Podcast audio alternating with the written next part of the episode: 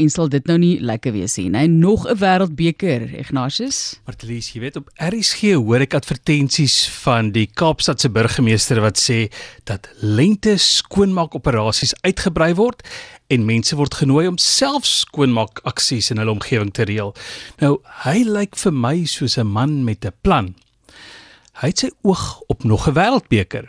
Jy mag dink rommelstrooi is 'n nasionale sport in Suid-Afrika. Soos soveel ander sporte is die hoogtepunt mos 'n Saterdag op soveel dorpe.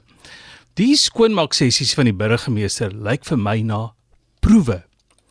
Anders as rommelstrooi is rommel optel werklike sport.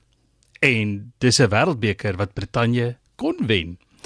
Hulle het koning gekraai in die eerste Spogomi wat verlede week Spogomi Wêreldbeker wat verlede week in Japan plaasgevind het. Nou Spogomi is 'n kombinasie van sport en die Japaneese woord vir rommel, gomi.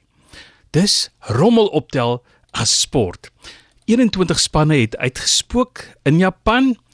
Op die ou end was die tuisspan tweede. 'n Lid van die Amerikaanse span het opgemerk dat dinge in Japan so skoon is. Dis omtrent 'n uitdaging. Jy moet tot op sigaretstompie vlak konsentreer om iets te kry. Nou ek dink Suid-Afrika het uitstekende oefengeleenthede vir Spogomi.